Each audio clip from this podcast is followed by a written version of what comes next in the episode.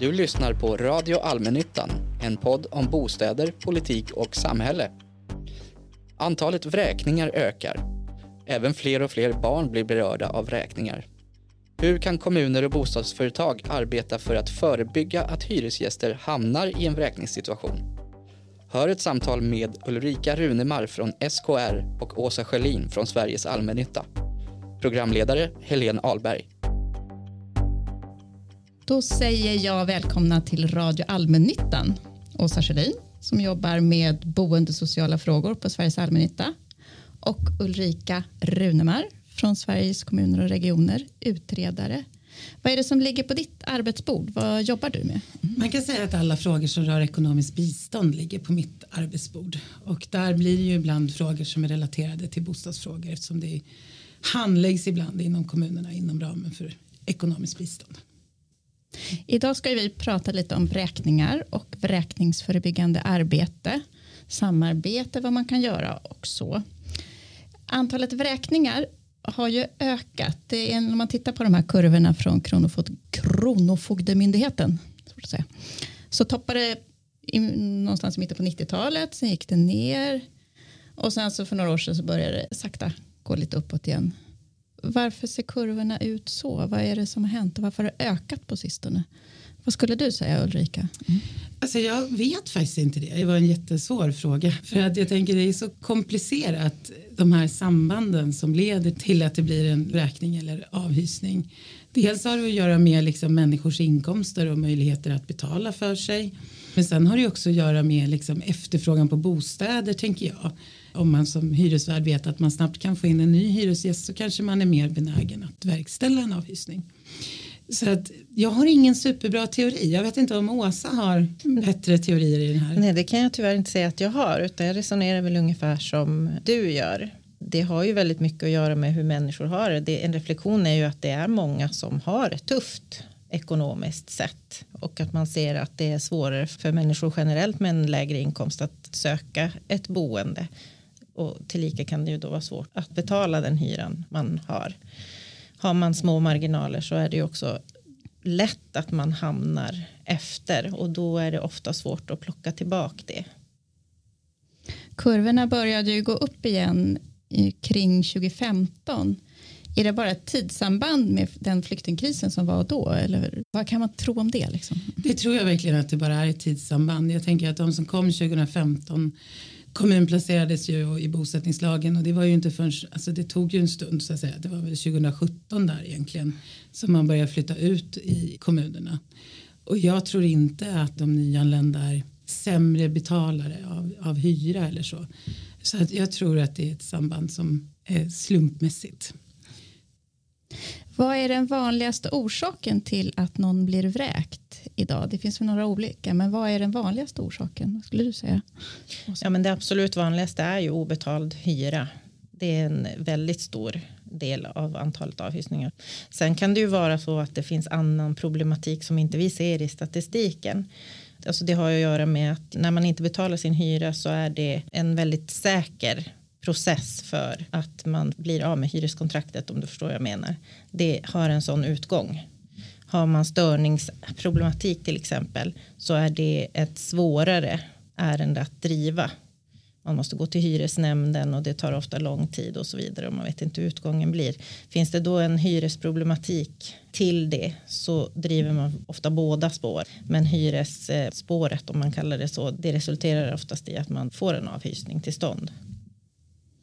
Vem är det som blir vräkt? Men det finns väl riskgrupper som man identifierar och det är personer med svag ekonomi och sen är det ju personer med, med en beroendeproblematik eller en psykiatrisk problematik. De är ju överrepresenterade om man ser att det finns en högre risk för den målgruppen att bli avhyst. Det man kan lägga till är att vi har sett eh, någon tendens åt att äldre personer kanske i större utsträckning hamnar i den här typen av situation under de senaste åren. Och en äldre som blir av med sin bostad hamnar i en väldigt utsatt situation. Vad kan det bero på att det är just de äldre som är överrepresenterade? Det är nog också svårt att säga, men det, återigen, jag tänker att det mesta ramlar ju tillbaka till vad man har för ekonomiska förutsättningar, men sen kan det ju tillkomma saker när man är äldre att man får problem med minnet, man kanske förlorar en partner, det kan hända saker i livet som gör att du kanske tappar kontrollen över din ekonomi. Du kanske har en make eller maka som har tagit hand om det här i familjen innan och sen går den personen bort eller får flytta till något särskilt boende och så tappar man rutiner eller vet inte hur man ska göra och det är ofta så det händer att du tappar då betalningsförmågan och kanske också att, att du inte har medel längre såklart. Så att det är de två som jag skulle se som mm. faktorer i varför det blir svårt just för äldre då. De här faktorerna spelar ju in för alla människor såklart. Kan man säga någonting om vad det är vanligast geografiskt? Är det en storstadsfråga? Är det vanligast mellanstäder, småstäder? Finns det någon liksom skillnad där? I antal tänker jag att man kan se att det är fler antal avhysningar. Jag kan inte svara på om det andelsmässigt är fler i storstadsområden. Men det är ju helt klart fler personer som bor och därav det blir fler avhysningar. Jag kan inte svara på andelen faktiskt. Nej, jag vet inte heller det. Men jag tänker att i större städer finns det ju oftare också ett större utbud av hyreslägenheter. Antalet blir ju som du säger Åsa högre men jag har ingen uppfattning eller uppskattning hur andelen ser ut. Och sen kan man säga att det skiljer ganska mycket från kommun till kommun. Det kan vara stora variationer i hur avhysningarna ser ut om man har många eller inte. Vart tar folk vägen då, den som blir vräkt? Var bor man sen? Ja, var bor man sen? Det är en otrolig risk att bli utestängd från hyresmarknaden om man blir vräkt från sitt boende. Men en del människor löser ju sitt nästa boende själva. På olika sätt såklart, men att man hyr någon annanstans eller så. Sen om socialtjänsten behöver hjälpa till, det kan man ju göra om det finns särskilda sociala skäl för att man behöver stöd till ett boende så kan man få den hjälpen via socialtjänsten. Och då kan det ju vara att man får ett boende via ett socialt kontrakt. Det här är socialtjänsten står för kontraktet och ansvarar inför hyresvärden att betalningar och så blir rätt. Och i akuta situationer så kan det ju handla om väldigt tillfälliga lösningar. Vandrarhemsboenden eller olika typer av hotell. Tillfälliga boenden helt enkelt. Hur ser det ut sen med sociala kontrakt då? Det finns 20 000 ungefär här om mm. året. Lite drygt. Eh, mm. Som var med bistånd och som ytterligare utan bistånd. Ja, precis. Vad är skillnaden där förresten? Ja, alltså jag tänker att grunden i det sociala kontraktet är ju att det är ett biståndsbeslut från socialtjänsten att man får det här boendet. Och eftersom jag kommer från socialtjänstbenet så blir jag lite osäker på de här icke biståndsprövade. Jag kan tänka mig att det kan ha funnits sådana lösningar kring bosättningslagen där man i vissa kommuner har använt kommunkontrakt eller liknande för att man inte har sett att de här personerna behöver bistånd enligt socialtjänstlagen men man behöver ändå stödja på olika sätt att kommunen garanterar betalning eller står för kontraktet gentemot den enskilde. Skulle man kunna säga att de som inte har biståndsbeslut i det fallet egentligen inte har något annat behov av hjälp än just bostaden? Nej men precis, för att ett socialt kontrakt för att man ska ha rätt till det så räcker det ju inte att nej jag har ingen bostad eller nej jag kan inte betala för min bostad utan för att ha rätt till ett socialt kontrakt så ska man ju ha omfattande sociala svårigheter som gör att du behöver det här stödet av socialtjänsten. I en situation där det råder bostadsbrist i liksom många städer runt om i landet så kan ju socialtjänsten inte vara en aktör som, som löser den allmänna bostadsbristen eller ska se till att alla får en lägenhet utan det är för de personer som har behov av stöd och hjälp genom socialtjänsten för sitt boende. Kan man bli vräkt även sen från sitt sociala kontraktsboende? Händer det att man faller igenom på nästa nivå också? Alltså det kan ju hända. Det är ju även i ett socialt kontrakt. De ligger ju i det allmänna bostadsbeståndet. Det är ju oftast en uppgörelse kanske mellan kommunen och det lokala allmännyttiga för bostadsbolaget att man förhyr den här lägenheten. Och det är klart att alltså de här allvarliga grunderna till vräkning det kan ju hända även i ett socialt kontrakt. Jag tänker om det uppstår våld eller hot mot grannar eller liksom svårt missbruk och så, så, så kan det ju vara så att man faktiskt inte kan bo kvar i sitt sociala kontrakt. Sen tror jag det är få socialtjänster som man säger går med avhysningsärenden tror inte jag är jättevanligt. Utan att man istället försöker lösa det med den här personen. Vart skulle du kunna bo istället? Eller vad har du behov? Vilket liksom behov har du av stöd och hjälp för att kunna bo så att säga. Så det du menar är egentligen att man ansöker inte till Kronofogden för att få en person avhyst på det sättet utan då blir det mer en fråga om att här kan du inte bo kvar, du måste flytta. Då hyr ju den personen faktiskt av er Aha. på socialtjänsten och det innebär ju att bostadsbolaget egentligen inte heller söker om avhysning skulle jag säga särskilt ofta i de fallen därför att då blir det ju ett ärende som drivs gentemot socialtjänsten. Då skulle bostadsbolaget säga upp och driva avhysningsärende gentemot socialtjänsten. Precis, men socialtjänsten kan ju driva avhysningsärenden Ja. om man inte kan komma överens med den här personen och situationen är fortsatt ohållbar och man inte tar emot stöd så kan ju socialtjänsten driva avhysningsärende och det här tror jag är lite krångligt men i relation till hyresgästen i det här sociala kontrakt så är ju socialtjänsten både socialtjänst och hyresvärd. Och det där är inte helt enkelt att förhålla sig till. Hur går en avhysning till? Man kan ju se för sig att det är någon väldigt dramatiskt. Man bryter sig in, man ropar och skriker, hur massa aktörer springer in. Hur kan en avhysning gå till? Och hur borde den gå till? Ja, alltså jag skulle väl börja med att säga att jag har svårt att se att det kan inte vara dramatiskt med en avhysning för det är så, det är så otroligt stor grej för en individ att bli av med sin bostad. Men med det sagt så kan man väl säga att det kan vara ganska många personer inblandade när man väl kommer på plats för det finns representant eller representanter från Kronofogden och så finns det från hyresvärden och eh, gärna och ofta kan man väl säga Ulrika från socialtjänsten. Och det är väl någonstans i alla fall idealt att alla tre parter finns representerade där vid en avhysning. Men sen är det klart att man kan ju vara mer eller mindre samspelta vid det här tillfället när man kommer till den berörda hyresgästen då. Ska man banka på dörren eller ska man knacka? Hur väl förberedd är hyresgästen? Har man haft dialog innan? Och så där. Så att det är klart att det kan vara en bättre och sämre process. Absolut. För det man gör är ju att man faktiskt går in och byter låset och eh, man får egentligen plocka ihop en liten mängd saker som man bedömer är extra viktiga om det är så att man är kvar i bostaden då. Och sen eh, så har man ju inte tillträde till lägenheten längre. Och hur fort kan det gå? Ska man ut på 20 minuter? Liksom? Eller hur? Jag skulle, jag skulle nog inte vilja säga någon tid men det är ju inte någon långdragen process. Det är det ju inte. hur borde det gå till då? Alltså om det ska, finns det någon idealiskt sätt? En avhysning är ju en tragedi i sig. Men vad är bästa sättet? Om jag skulle säga någonting så, så är ju den bästa avhysningen den som självklart inte blir av. Men om det nu har kommit ett besked om att man ska bli avhyst att man då har packat och flyttat redan när det är dags för att byta lås så att säga. För det, ja, det är det bästa skulle jag säga att man har förberett individen så pass väl innan. Men det är ju också en sån här individuell sak därför att personen i fråga kanske inte själv är mottaglig för något stöd eller någon dialog och att man då kommer dit. Men det är klart att det absolut bästa är om man har flyttat innan dess att kronofogden står och redo att borra upp låset. Man har ju med sig en lås med då så borrar man upp låset och det är ju inte en jättetrevlig situation.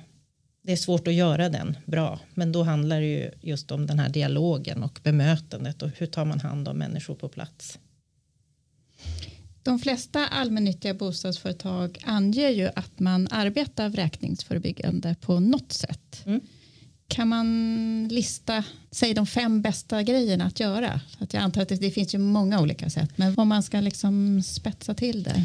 Är fem bäst? grejer. Men om man säger, jag tycker att en viktig sak som ska ske tidigt det är ju att man pratar om redan vid faktiskt kontraktskrivningen vad som gäller och informerar om just när det gäller hyror så är det väldigt få tror jag som vet hur lätt det är att bli av med sin bostad i den meningen att kontraktet förverkas. Sen är det väl inte så vanligt att man blir av med lägenheten slutgiltigt så fort. Men det är efter sju dagar så har man möjlighet. Då kan man bli av med bostaden helt enkelt. Redan efter sju dagar. Så att det är ganska korta tidsperioder vi pratar om när det gäller hyra. Så att tidigt informera, kanske till och med på någon sorts allmän. Här vet jag bolag som har jobbat i samverkan med kommunen och gått in på skolor och informerat om hur hyressystemet funkar och om hur viktigt det är att betala sin hyra. Så det är väl en viktig sak. Men sen när man väl är hyresgäst då handlar det om att man kontaktar hyresgästen tidigt så att man inte låter det gå och att det kanske blir flera hyror och så att det hinner växa en stor skuld innan dess att man tar tag i det här. Och då är personlig kontakt skulle jag säga det viktigaste att man ringer upp personen eller så. Och så samverkan. Att man samverkar med socialtjänsten så att personer kan få stöd. Men det finns ju andra aktörer också. Mm. Jag tror inte jag kom upp i fem men det där är nog mina råd ska jag säga. Mm. Hur ser det ut i, i socialtjänsten ute i kommunerna? Samverkar alla socialtjänster med hyresvärdar? Och det där är alltid så svårt att svara på. Hur, hur gör mm. kommunerna? För de är 290 stycken och har vi inte haft en enkät ute i frågan så vet vi ju egentligen inte. Men jag tror att många samverkar med hyresvärdarna lokalt och jag tror att man framförallt kanske samverkar med sina kommunala bostadsbolag. Så privatvärdar är det inte lika vanligt att man har ett etablerat samarbete med? Många kommuner har ju det också. Men allmännyttan hänger ju på ett annat sätt ihop med den kommunala verksamheten. Och sen så tänker jag att privata bostadsbolag det kan vara ganska många på en ort. Det är inte helt enkelt liksom hur små hyresvärdar. Då måste man hitta ett smart sätt att organisera det på. Och det har man säkert gjort i vissa kommuner. Och bostadsrättsföreningar också? Ja, det tror jag är ovanligt att man samverkar med bostadsrättsföreningar. Bostadsrättsförening kan ju också vara hyresvärdar för vissa. Ja, det kan de ju vara. Men där blir det också väldigt smått. Mm. För de kanske hyr ut en eller två lägenheter och jag tänker att socialtjänsten om man har några personer som jobbar med den här frågan i kommunen så blir det ju oerhört svårt att hålla kontakten med alla som kan vara hyresvärdar. Det kan ju också vara privatpersoner som hyr ut delar av sitt hus eller så. Det är ju många som kan vara hyresvärdar. Och det gör det ju inte helt lätt att om man skulle samverka med alla, tänker jag. Regeringen skickade ganska nyligen ett uppdrag till Kronofogdemyndigheten att se till att det blev mer samverkan och de angav att det bara var, vad var det nu, 85 av landets 290 kommuner fanns det en etablerad samverkan mellan socialtjänst och hyresvärdar. Nu vet inte jag riktigt vad definitionen på en etablerad samverkan är. Nej, jag såg den siffran och jag tyckte den var låg. Mm. Jag håller med. Eh, så jag varit, jag varit lite förvånad och så tänkte jag att så, det borde vara fler. Och det tror jag att det är. Ja. För jag vet att vi har haft den där eh, diskussionen tidigare i olika nätverkssammanhang där vi har pratat om vräkningsförebyggande mm. arbete och då kan man bli lite småirriterad över att det ser ut som om vi inte jobbar så bra mm. som vi faktiskt gör och att det då handlar om hur man har formaliserat den här samverkan så att det kan absolut vara så att det är fler som samverkar än vad som framgår av den siffran så är det ju. Jag tror hälften av dem, alltså vi hade nästan 80 procent av våra medlemmar som säger att de jobbar systematiskt med att förebygga avvisningar och det kan ju vara en väldigt stor spridning vad det innebär. Det kan innebära att man skickar ett sms i en viss tid i processen och det kan också innebära att man knackar dörr. Så att det kan vara en stor spridning vad det innebär. Men av dem så var det lite fler än hälften som säger att de gör det här tillsammans med socialtjänsten. Så det är ju, jag tror att det där är en siffra man får fundera över vad den innehåller. Jag vet inte var den kom ifrån heller eller vad det var för krav man skulle uppfylla för att ibland är det ju formaliserat att det ska finnas skriftliga överenskommelser eller, eller så. Kronofogdemyndigheten har ju någon rekommendation på en samverkansmodell där man just ska, cheferna ska vara involverade, mm. man ska träffas en gång i månaden och man ska ha avstämningar med i olika grupper flera mm. gånger per år och så vidare. Det kanske är något sånt som Ja men det är väl inte orimligt att det kan Nej. vara något sånt som ligger bakom att det ser ut att vara så förhållandevis små. För det är ju också så jag tänker på hur ni har er organisation. Från våran sida brukar vi ofta prata om att man vill ha en väg in. Mm. Det är mm. sånt där återkommande. Man vill ha en kontakt in till socialtjänsten. För sen, sen kan det vara flera och det här vet du mycket, mycket, mycket bättre än vad jag gör. Men alltså det kan vara många personer sen som ska mm. på kommunens sida så att säga involveras i det här. Men för hyresvärden så känns det som att man vill ha en lätt kontakt till någon som kan hjälpa en och samverka. Men det gör ju också att det kan se väldigt olika ut från kommun till kommun hur man kan sätta upp en sån här samverkan som du beskrev. Ja men absolut och det, alltså, kommunerna skiljer sig ju så oerhört i storlek och Också hur man väljer att organisera sådana här frågor. En del kommuner som är lite större de kanske har möjlighet att ha en, en enhet som jobbar med bostadssociala frågor. Och då blir det en naturlig ingång och kontakt för bostadsföretaget. I en mindre kommun som kanske har en handfull handläggare på ekonomiskt bistånd så kan det vara en del av deras uppdrag att ha den här kontakten. Så att det ser ju väldigt olika ut. Men jag tänker att i den lilla kommunen så är det ju också nära till varandra. Så det är ju inte bara den egna organisationen som är liten utan det kanske också är bostadsbolagets organisation som är liten. Så jag tänker att det finns fördelar och nackdelar med både och. Kan också vara lättare att bara ringa varandra. Och även om man inte har den här formaliserade modellen från Kronofogden eller man kanske inte tycker att man behöver den. Det kanske inte är någon stor fråga med avhysningar och när de dyker upp så löser man dem. Så kan det faktiskt också vara tänker jag. Mm. Vilka parter borde vara involverade i de här frågorna då? Förutom socialtjänst och hyresvärdar, finns det fler aktörer som liksom borde vara med i ett samarbete?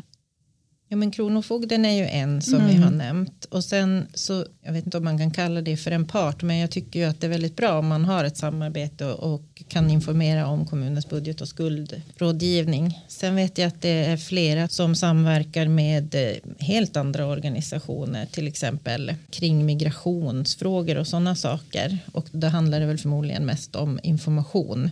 Det kan vara Svenska kyrkan eller något förenings att hur man ska komma ut med information om hur man behöver förhålla sig till hyresbetalningen om man säger.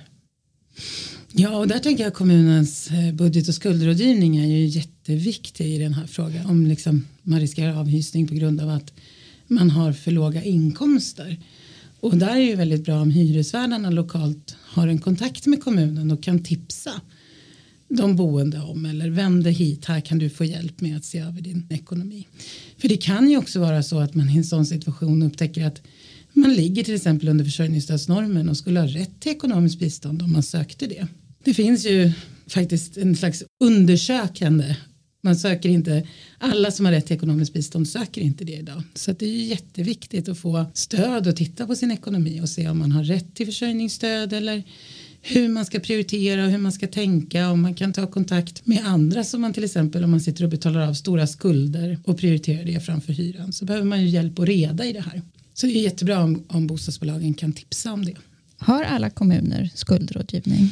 Ja, man är skyldig att erbjuda budget och skuldrådgivning så det ska finnas i alla kommuner. Men kan det vara så att om det är, för det är ändå ganska många parter eller aktörer inblandade, att det blir så många så att ingen tar det yttersta ansvaret, så att säga, att många kockar är ingens ansvar liksom? Alltså samverkan generellt är ju klurigt och ju fler man är desto klurigare kan det vara. Och eh, jag tror att det viktigaste är att tänka igenom vad är skälet till den här samverkan, vad är det vi vill uppnå? Så att man inte heller knyter aktörer till sig som inte egentligen fyller någon funktion. Det handlar ju inte om att samverka för samverkans skull. Det är väl därför vi ofta också pratar om just de här tre, det bostadsbolaget, socialtjänsten och eh, kronofogden eftersom att det är i mitt sätt att se så blir det ju de tyngsta samverkansparterna Ja, men, men, sen kan det finnas ett stöd runt personen mm. som man kan välja att samverka med. Ja, och sen så tänker jag att det gäller att hålla reda på sina roller. Man har ju helt olika, olika roller och olika uppdrag i de här situationerna. Så att jag tänker att om var och en bär sitt så gör det inget att man är flera. Sen tänker jag också på individen som befinner sig i den här avhysningsprocessen. Att ur socialtjänstens perspektiv så har ju den ett stort ansvar också. Och för att socialtjänsten så att säga ska aktiveras och kunna göra någonting i de här frågorna så måste ju den personen som ska avhysas vilja det. Socialtjänsten har ju liksom inget mandat att agera utanför vad personer vill eller ber om hjälp till. Men även om alla då uppfyller sin del och du räknade upp de som var tunga parter eller aktörer. Är det någon som har det yttersta ansvaret eller är alla lika jämntunga? Alltså jag tänker lite på det du sa om individen här och det känns ju lite hårt att säga i det här sammanhanget. Men det beror lite på vad du menar med det yttersta ansvaret. Är det det yttersta ansvaret för samverkan eller är det yttersta ansvaret för att förebygga att personen inte... För att förebygga vräkningar i stort. Ja, och där har ju bostadsbolaget kanske inget sånt uppdrag egentligen på det sättet. Utan det ligger ju i vårt intresse eftersom att alla tjänar på att man förhindrar så många avhysningar som möjligt faktiskt. Så jag har jättesvårt att svara på den frågan vem som är ytterst ansvarig ja. för den samverkan. Och kommer man från kommunen så är man van att ha yttersta ansvaret. För det ligger ju i socialtjänstuppdraget att ha det yttersta ansvaret för kommuninvånarna. Men det ligger också i det att individen måste vilja ha den hjälpen. Vilket gör att om man inte vill medverka eller man vill inte träffa budget och skuldrådgivare man vill kanske inte ansöka om ekonomiskt bistånd eller hjälp av socialtjänsten att ordna ett annat boende. Ja, men då bestämmer personen det själv.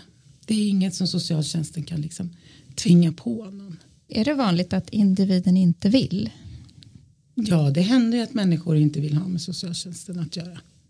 Sen så kan ju en avhysningsprocess det är ju inte alla människor som öppnar alla brev och läser all information som de får heller. Så ibland kan man ju vilja ha stöd men man upptäcker det väldigt sent i processen att man vill ha stöd. För man har försökt att skjuta problemet framför sig.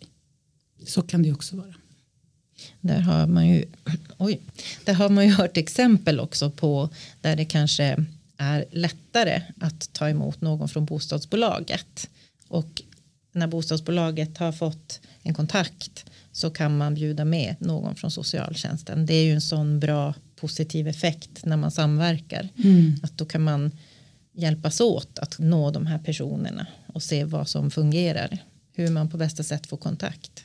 Ja det är ju jättebra och har hyresvärden en god kontakt och kan introducera socialtjänsten så är det en jättebra lösning. Kronofogdemyndigheten har ju också rapporterat att antalet barn som berörs av vräkningar ökar. De hade någon siffra om att 273 barn var berörda av vräkningar första halvåret 2021. Det kanske finns några färskare siffror. Men borde det vara hårdare trösklar eller hårdare regler, högre trösklar för att vräka just barnfamiljer? Eller ska det vara lika för alla kategorier enligt någon slags likabehandlingsprincip?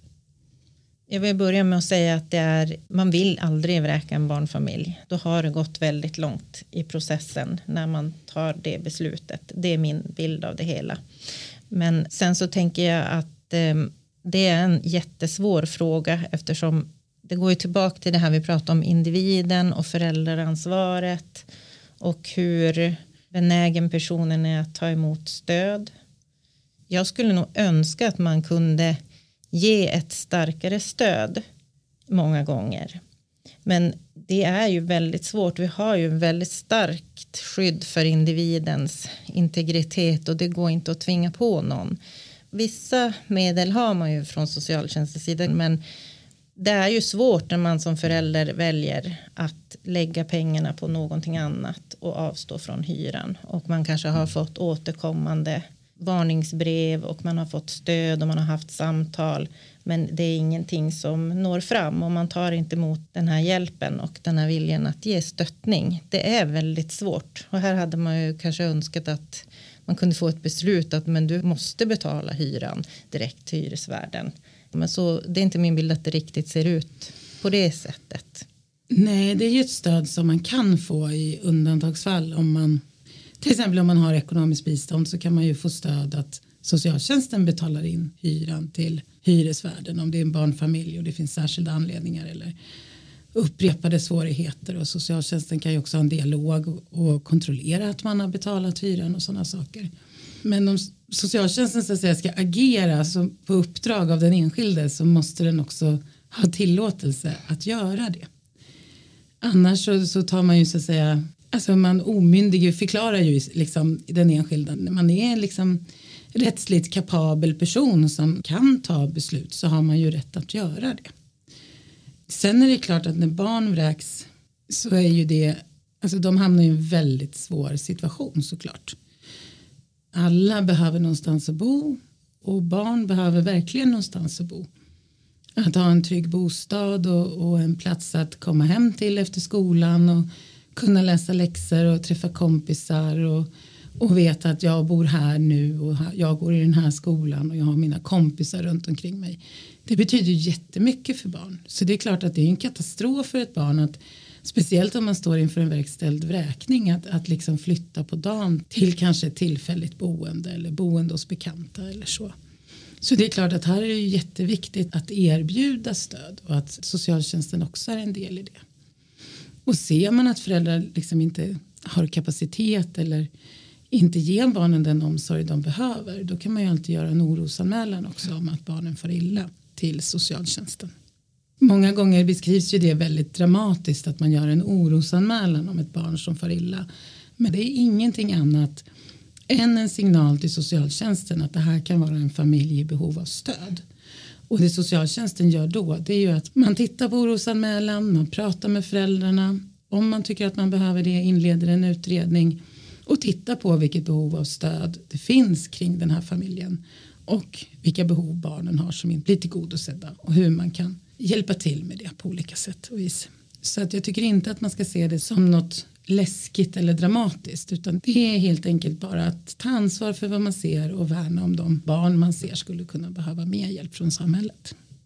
Jag tänker ändå, för barnkonventionen är ju nu lag och det tog ju vara liksom per definition inte bra för ett barn. Inte mycket barnperspektiv på att bli vräkt. Så att säga. Går det ens att kombinera avhysning med barnkonvention? Alltså jag skulle säga barnkonventionen säger ju att man ska ta hänsyn till barnets bästa och att man ska pröva barnets bästa. Och jag håller med dig i att det är nog osannolikt att man kommer fram till att en avhysning är i barnets bästa. Men sen ska man ju också väga olika intressen mot varandra här. Barnets intresse är ju inte det enda. Det ska vara ett, på engelska säger man a primary consideration. Det ska komma i främsta rummet. Men det betyder att det inte är det enda intresset som man ska ta hänsyn till när olika beslut fattas. Och då brukar man också prata att om man nu fattar ett beslut som uppenbart är mot barnets bästa så bör man också titta på kompensatoriska åtgärder för att göra det här beslutet så lite dåligt för barnet som möjligt. Och när det gäller avhysningar, det som man från bostadsbolagen mycket pratar om, det är ju då möjligheten att kanske ge ett lite längre uppskov eller man är kanske mera generösa med avbetalningsplaner. Sådana exempel har vi där man just när det gäller barnfamiljer så kanske man har ett större utrymme att få till stånd en avbetalningsplan. Men jag skulle inte säga att man aldrig kan komma till det beslutet att en avhysning ska ske för att barn bor i lägenheten. Sen tycker jag det är intressant när det gäller de siffrorna så berör det ju många grupper av barn. Det är ju inte bara de som bor permanent som omfattas i de här situationerna utan det är umgängesbarn och så vidare. Och så är det många barn som berörs av avhysning som bor i andra hand och ibland tredje hand som finns med i den statistiken. Och det gör det inte mindre dåligt att de blir berörda av avhysning men man ska ändå vara medveten om det och i, i de fallen när det handlar om andrahandsuthyrningar där är det ju inte ett ärende som hyresvärden driver gentemot den familjen utan då är det en förstahandshyresgäst bara för att komplicera det ytterligare. Så det är väldigt komplexa frågor det här med barn. Men det är ju självklart så att man ska i det yttersta göra sitt bästa för att det inte ska ske såklart. Ibland eh, när Kronofogdemyndigheten kommer till en lägenhet för att utföra en vräkning så är den tom har jag läst i en femtedel av alla fall vad gäller just barnfamiljer. Varför är det så? Hur kan det bli så? Ja, då, Eller vad har man, hänt på vägen? Liksom? Ja, jag skulle säga att då har man ju valt att flytta någon annanstans helt enkelt eller flyttat in hos mm. anhöriga eller ja, man, man har i alla fall valt att flytta ut innan avhysningstillfället. Är det bra? Är det liksom ett gott resultat? Eller vad ska jag säga? Det är väl säkert bättre för den enskilda tänker jag att vara avflyttad och fått plocka ihop sina saker i lugn och ro och också ha liksom kunnat planera för vart man ska ta vägen. Så på det sättet så är det väl ett gott resultat. Istället för att behöva den där situationen vi inledde med att prata om hur det är när man verkställer en avhysning. Så jag tänker att det är väl inte så tokigt att man har flyttat helt enkelt. Jag kan bara instämma i det. För det funderade jag på, för när man tittade på återigen då Kronofogdemyndighetens statistik så var det förra året drygt 6300 anmälningar om vräkningar men bara, eller vad ska jag säga, 40 procent av dem blev verkställda. Alla de som är däremellan, vad är detta? Ja, det är nog olika vad som är däremellan och eh, här kan jag väl tycka att man kan ju sträva mot att det där glappet mellan hur många ansökningar man har och hur många verkställda man har det kan man absolut jobba för att minska. Men det fungerar ju så att när hyresgästen då inte har betalat sin hyra i tid då var det de här sju dagarna jag pratade om tidigare. När de har gått ut och hyresavtalet är förverkat då ska du meddela hyresgästen om vad som händer egentligen att nu är avtalet förverkat. Vi har skickat en ansökan till Kronofogden för att få ett beslut då om att det finns en grund för att avhysa den här personen.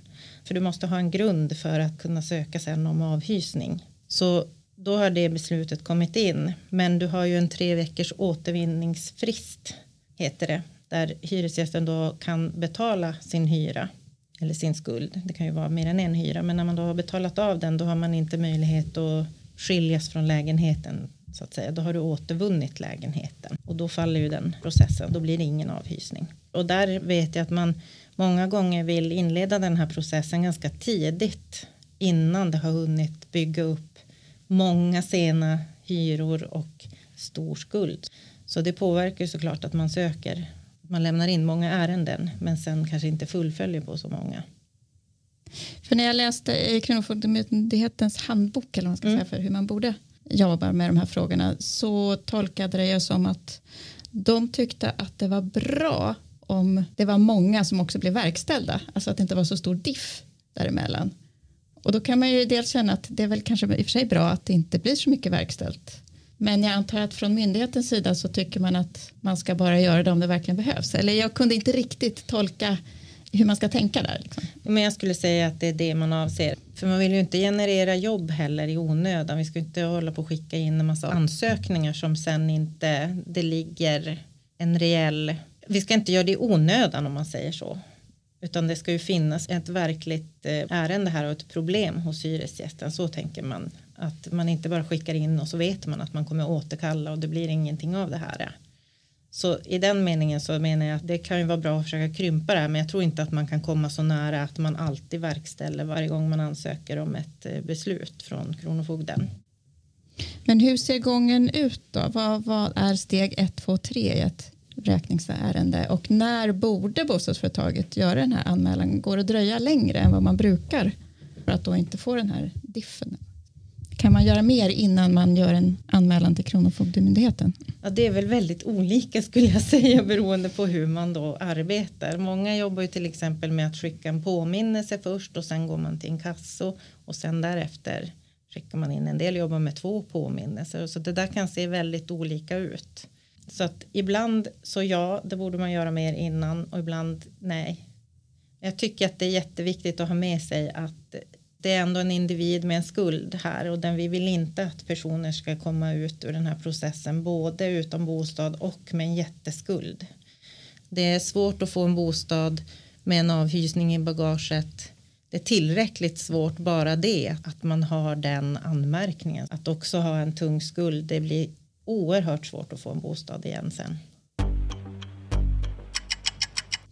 Men jag läste också en siffra att den genomsnittliga hyresskulden, även om den siffran var några år gammal, den var under 10 000.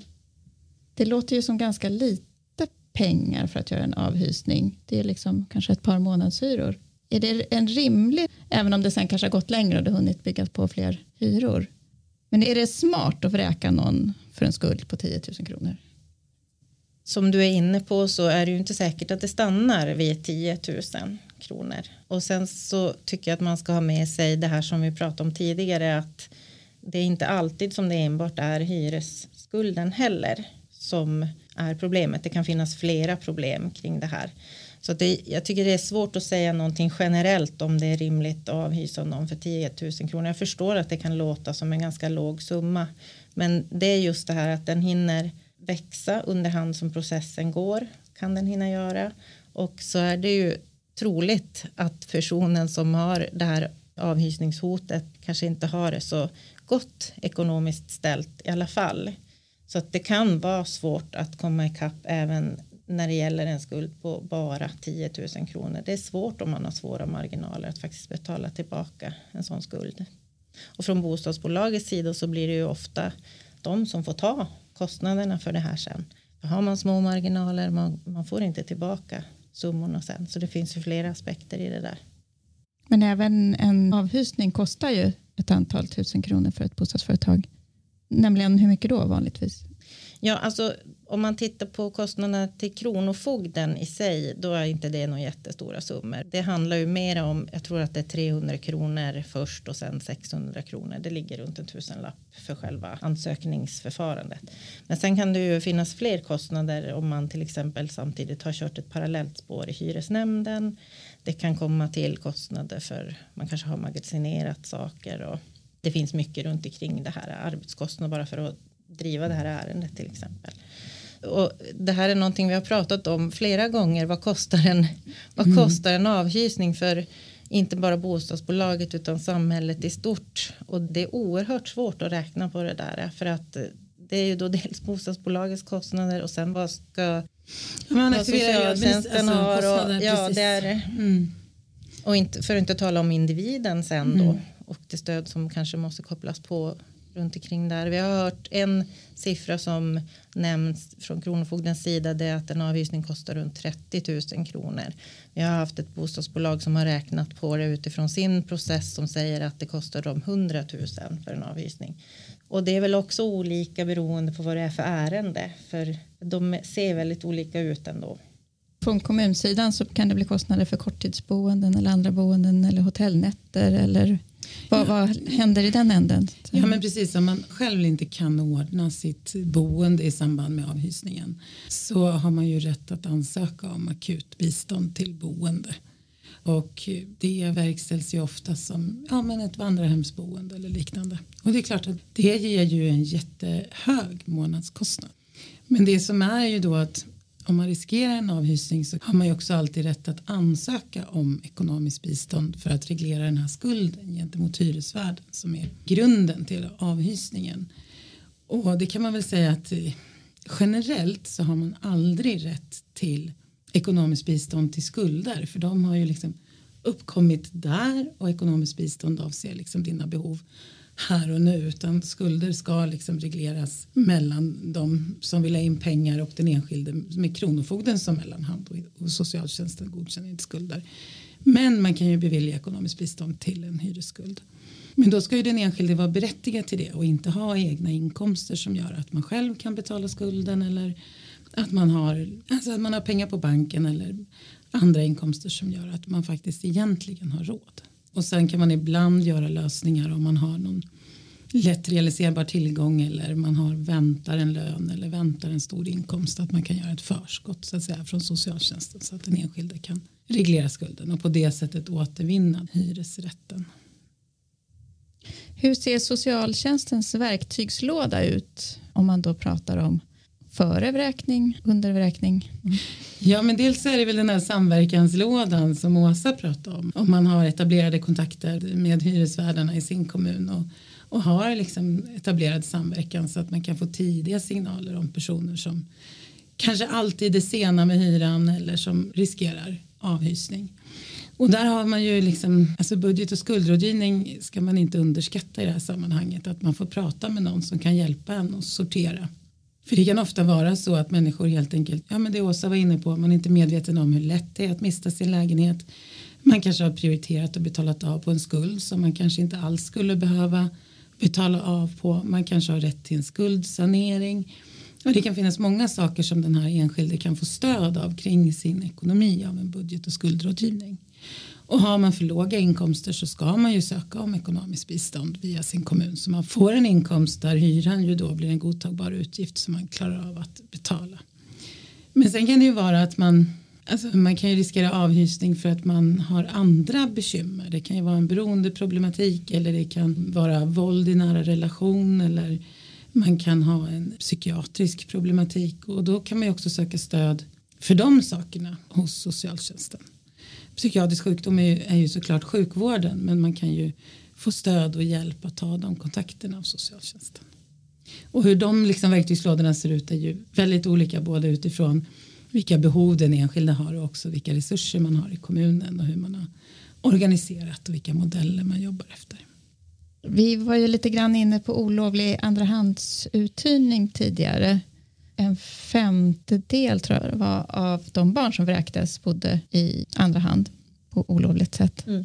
Hur stor del av räkningarna för vuxna är det samma sak med? Vet man det? Liksom? Nej, jag har ingen sån uppgift i alla fall. Men det är klart att det förekommer. Nu arbetar ju bostadsföretagen ganska aktivt med att hitta de här olovliga andrahandsuthyrningarna.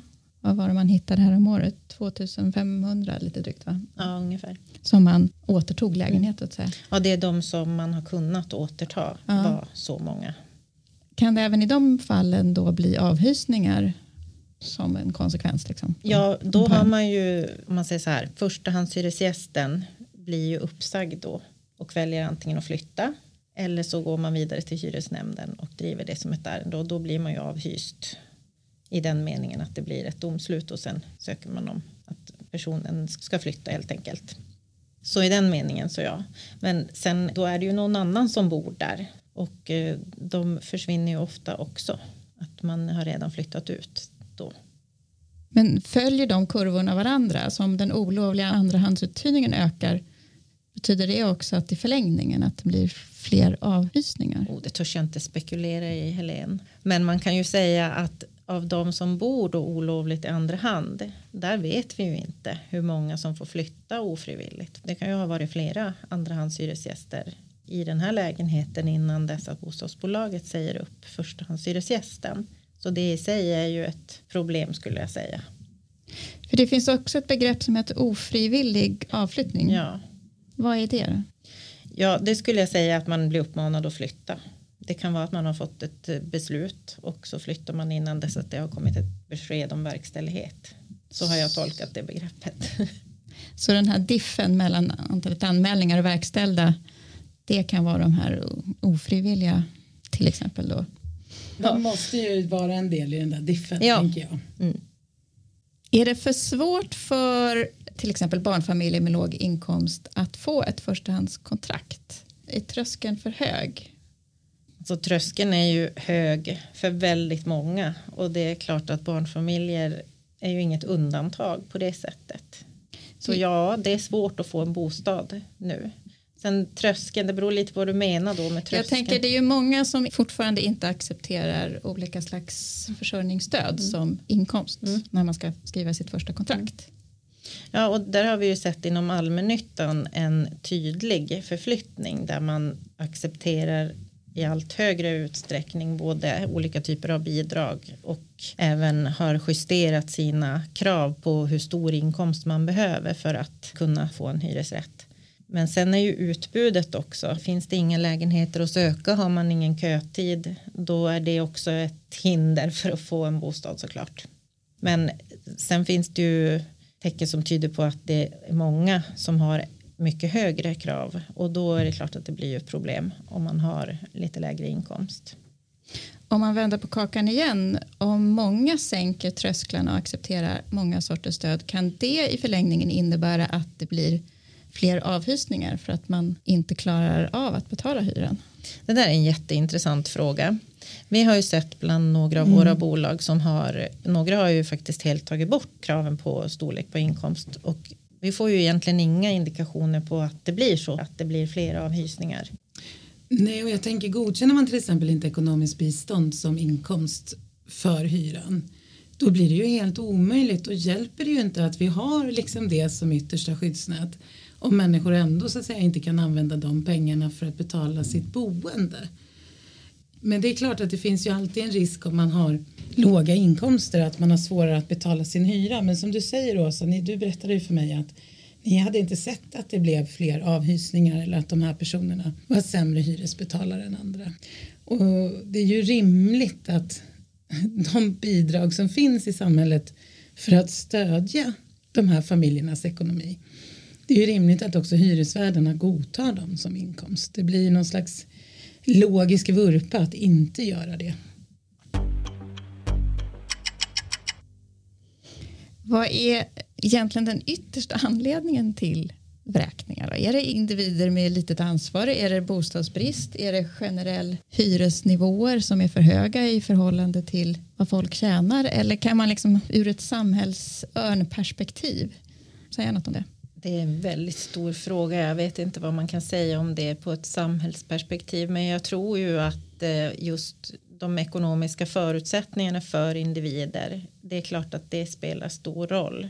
Och där har vi ju till exempel bostadsbidraget som är ett sådant stöd som ursprungligen var bostadspolitiskt väldigt tydligt. Det har fortfarande bostadspolitisk inriktning men det är klart att får individerna sämre förmåga sämre ekonomiska förutsättningar så har de ju också svårare att betala sin hyra.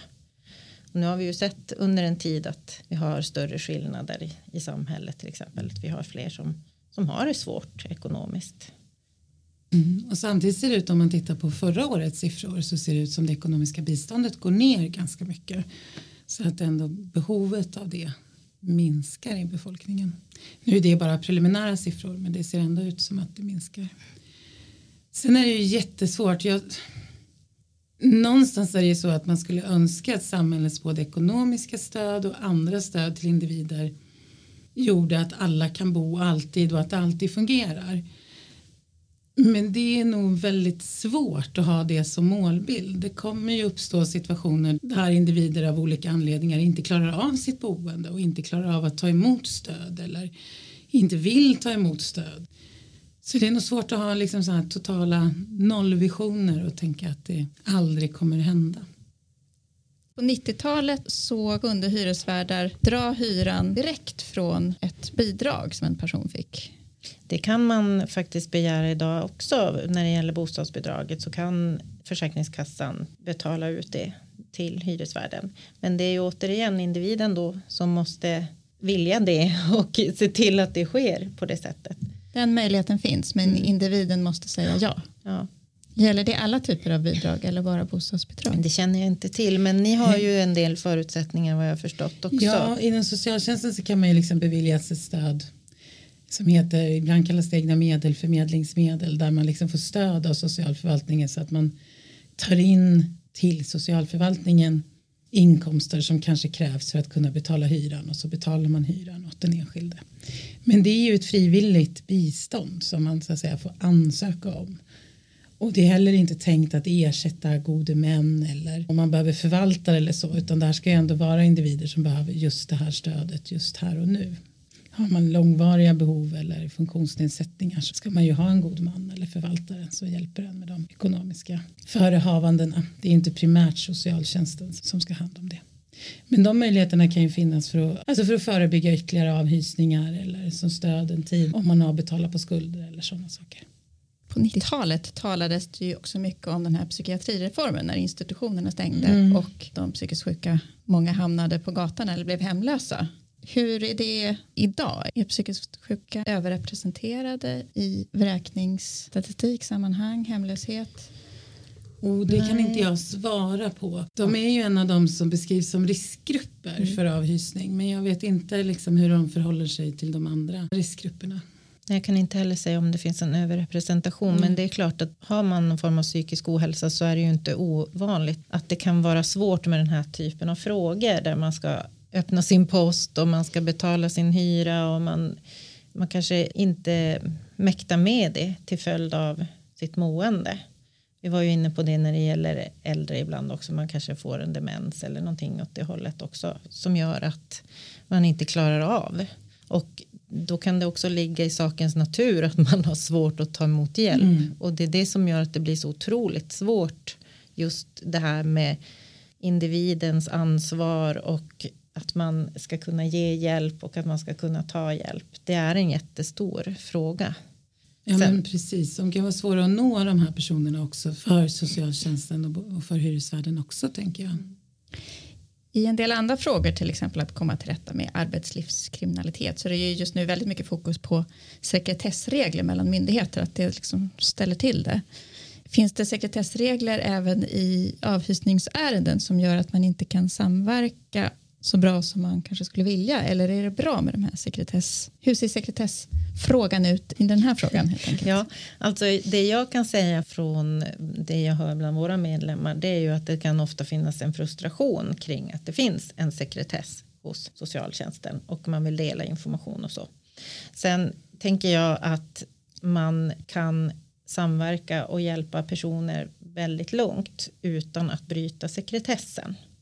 Och ett sätt att jobba är ju att många kommer ju överens om att skriva ett samtycke att man från hyresvärdens sida får prata med socialtjänsten, att socialtjänsten får prata med oss. Men sen tror jag att det är det där är en kunskapsresa där vi hela tiden får titta på ja. vad betyder det här med sekretessen och hur påverkar det våra möjlighet att samverka och så vidare. Ja men precis, jag kan tänka det för det här är en fråga om man, om man liksom kommer från socialtjänstperspektivet så är ju det här en evig fråga att socialtjänsten har så stark sekretess. Och ibland så tänker jag så här det är ju positivt att socialtjänsten har så stark sekretess. För det är ju till skydd för den här människan som kommer till socialtjänsten och berättar om massa saker som den inte vill att någon annan ska ha reda på. Så sekretessen fyller ju liksom den här tillitsskapande relationen mellan personen och socialtjänsten. Där är ju sekretessen liksom en viktig liten pusselbit för att människor ska känna sig trygga och verkligen få hjälp med rätt saker och våga berätta om sånt som man, som man inte vill att någon ska ha reda på. Och i samverkan då så kan man ju liksom i det enskilda ärendet så kan man ju ofta lösa det med att man tar med personen. Att det är den som får berätta men att socialtjänsten finns där som stöd och kan berätta vad de kan göra. Eller att som du Åsa säger att man får samtycken om det är en person som tycker det är väldigt jobbigt att ha kontakt med sin hyresvärd kring de här skulderna så kan de ju tycka att det är avlastande att det är socialtjänsten som till exempel förhandlar fram en avbetalningsplan och stöttar i det. Så att det här liksom går ju att komma runt. Men jag tänker också att man ska inte bara tycka att den här sekretessen är så dålig. För den är också, fyller en väldigt viktig funktion för de personer som behöver stöd av socialtjänsten. Om man nu tycker att kommuner och hyresvärdar borde samverka mer, vad borde, vem borde göra något och vad borde göras om man vill ha mer samverkan för att förebygga vräkningar? Ja, jag tänker den här kronofogdens beskrivning är ju Alltså den är väl fin tycker jag. Så. Deras samverkansmodell? Ja, eller? den ser ju trevlig ut och tänker att den fyller säkert ett jättebra syfte. Sen vem som ska ta ansvar, det är det som är så svårt i samverkan. Vem tar liksom ansvar, vem lyfter luren och ringer och säger att hörru du, du nu skulle vi, ska vi prova den här modellen. Det är ju lätt att säga att någon ska ta ansvaret men någon men borde göra någon något. Borde, borde göra någonting men jag tänker ja. väl att här borde båda göra något. Man bör inte sitta och vänta på att den andra ska ringa utan har ingen ringt så ring då ja. själv och försök få rätt på vem det är du ska samverka med. För eh, det ser vi ju att det är en framgångsfaktor där man lyckas väl i det förebyggande arbetet så har man ju tät kontakt tillsammans. Ja och det är ju en fråga som den är inte så svår att sälja in som angelägen. Den kostar tid och resurser för både hyresvärd och socialtjänst och kronofogde. Men mitt i alltihop det här det är ju en oerhörd förlust för en människa att bli av med sin bostad och inte ha kunnat lösa det. Så det finns ju liksom bara vinster att göra det här arbetet bättre.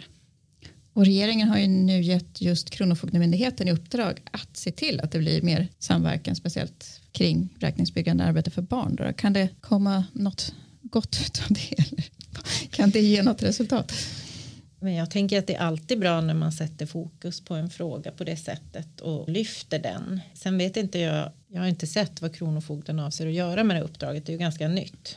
Men eh, jag tänker att det är bra om man lyfter frågorna och ger stöd och, och uppmuntrar till att fortsätta samverka. För det är klart att det finns ju förbättringspotential. Det är ju långt ifrån alla som samverkar och har ett strukturerat arbetssätt, även om många gör det. Så här kan vi ju bara bli bättre. Ja, men jag. absolut. Men summa summarum så är samverkan för att förebygga vräkningar endast av godo kan man väl säga att ni har sagt. Ja. Mestadels av godo. Ja, precis. Det kan väl uppstå en del frustration ibland när man inte tycker Endast kändes väldigt ja, Mestadels av godo. Men det är en väldigt bra utgångspunkt ju. Mm. Ja. Och syftet att förebygga tragedier för människor är absolut. Verkligen. viktigt. Väldigt viktigt. Ja, absolut. Mm. Så får man inte ge upp tänker jag, även om det är svårt. För det kan vara svårt. Med det vi pratar om att man har så olika uppbyggnad på olika kommuner och olika aktörer. Mm. I en stor stad kan ju ett bostadsbolag vara tvungen att ha inte en samverkanspart utan man ska samverka med flera olika stadsdelar. Då kanske man måste bygga upp. Jag har hört exempel på 14 olika samverkan för Oj. att förebygga avhysningar. Det är komplext. Det, det är inte lätt att samverka men det är, det är värt Det är värt det. det är värt det, Besväret. tror vi. Ja. Så den som inte har en samverkan idag, ring, ring, säger du. Lyft luren. ja, det och- gör jag. Ja, men absolut. Tack så hemskt mycket för att ni kom till Radio Allmännyttan. Tack. Och Ulrika Rudmar. Tack så mycket.